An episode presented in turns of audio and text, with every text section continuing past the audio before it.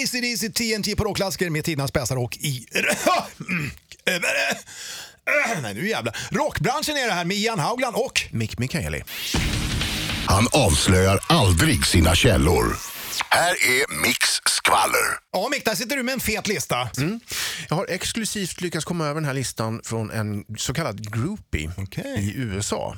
Som här listar lite kort erfarenheter som hon har haft med olika rockstjärnor. Okej, låt höra. Vi har David Lee Roth från Van Halen. Jaha, sångaren där, ja. Mm, det stämmer. Och det här är vad hon säger om honom. Trots en nyss genomförd show så var han intensiv, energisk och i slutändan utmattande. Aha, ja, han hade väl dragit mycket cola under giget förstås. Kanske det. Vi har Axl Rose, sångaren från Guns N' Roses. Och här säger hon att det var trevligt sex, men han smakade cigarett ur munnen. Oh, Vilket fy fan. var, det kändes avtändande. Ja, det förstår jag.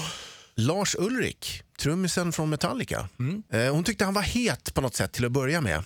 Men han hade en liten penis och sexet var lättglömt. Eh, nu har vi kommit fram till Tommy Lee. Ja, ja. Och här är då, quote, en fantastisk erfarenhet. De hade jättekul. Och han erbjöd henne 500 dollar för att göra en Motley Crue-tatuering. Är det en skön avslutning på, på en natt tillsammans? Antog hon detta erbjudande, eller? Äh. Nej, eh, hon sa fuck off och så drog hon därifrån för att hon gillar inte Motley Crue.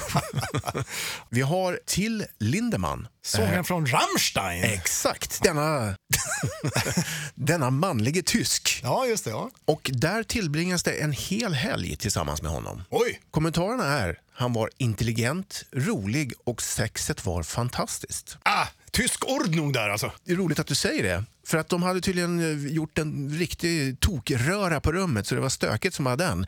Men till den gode tysken, han såg till att städa upp på rummet innan de lämnade.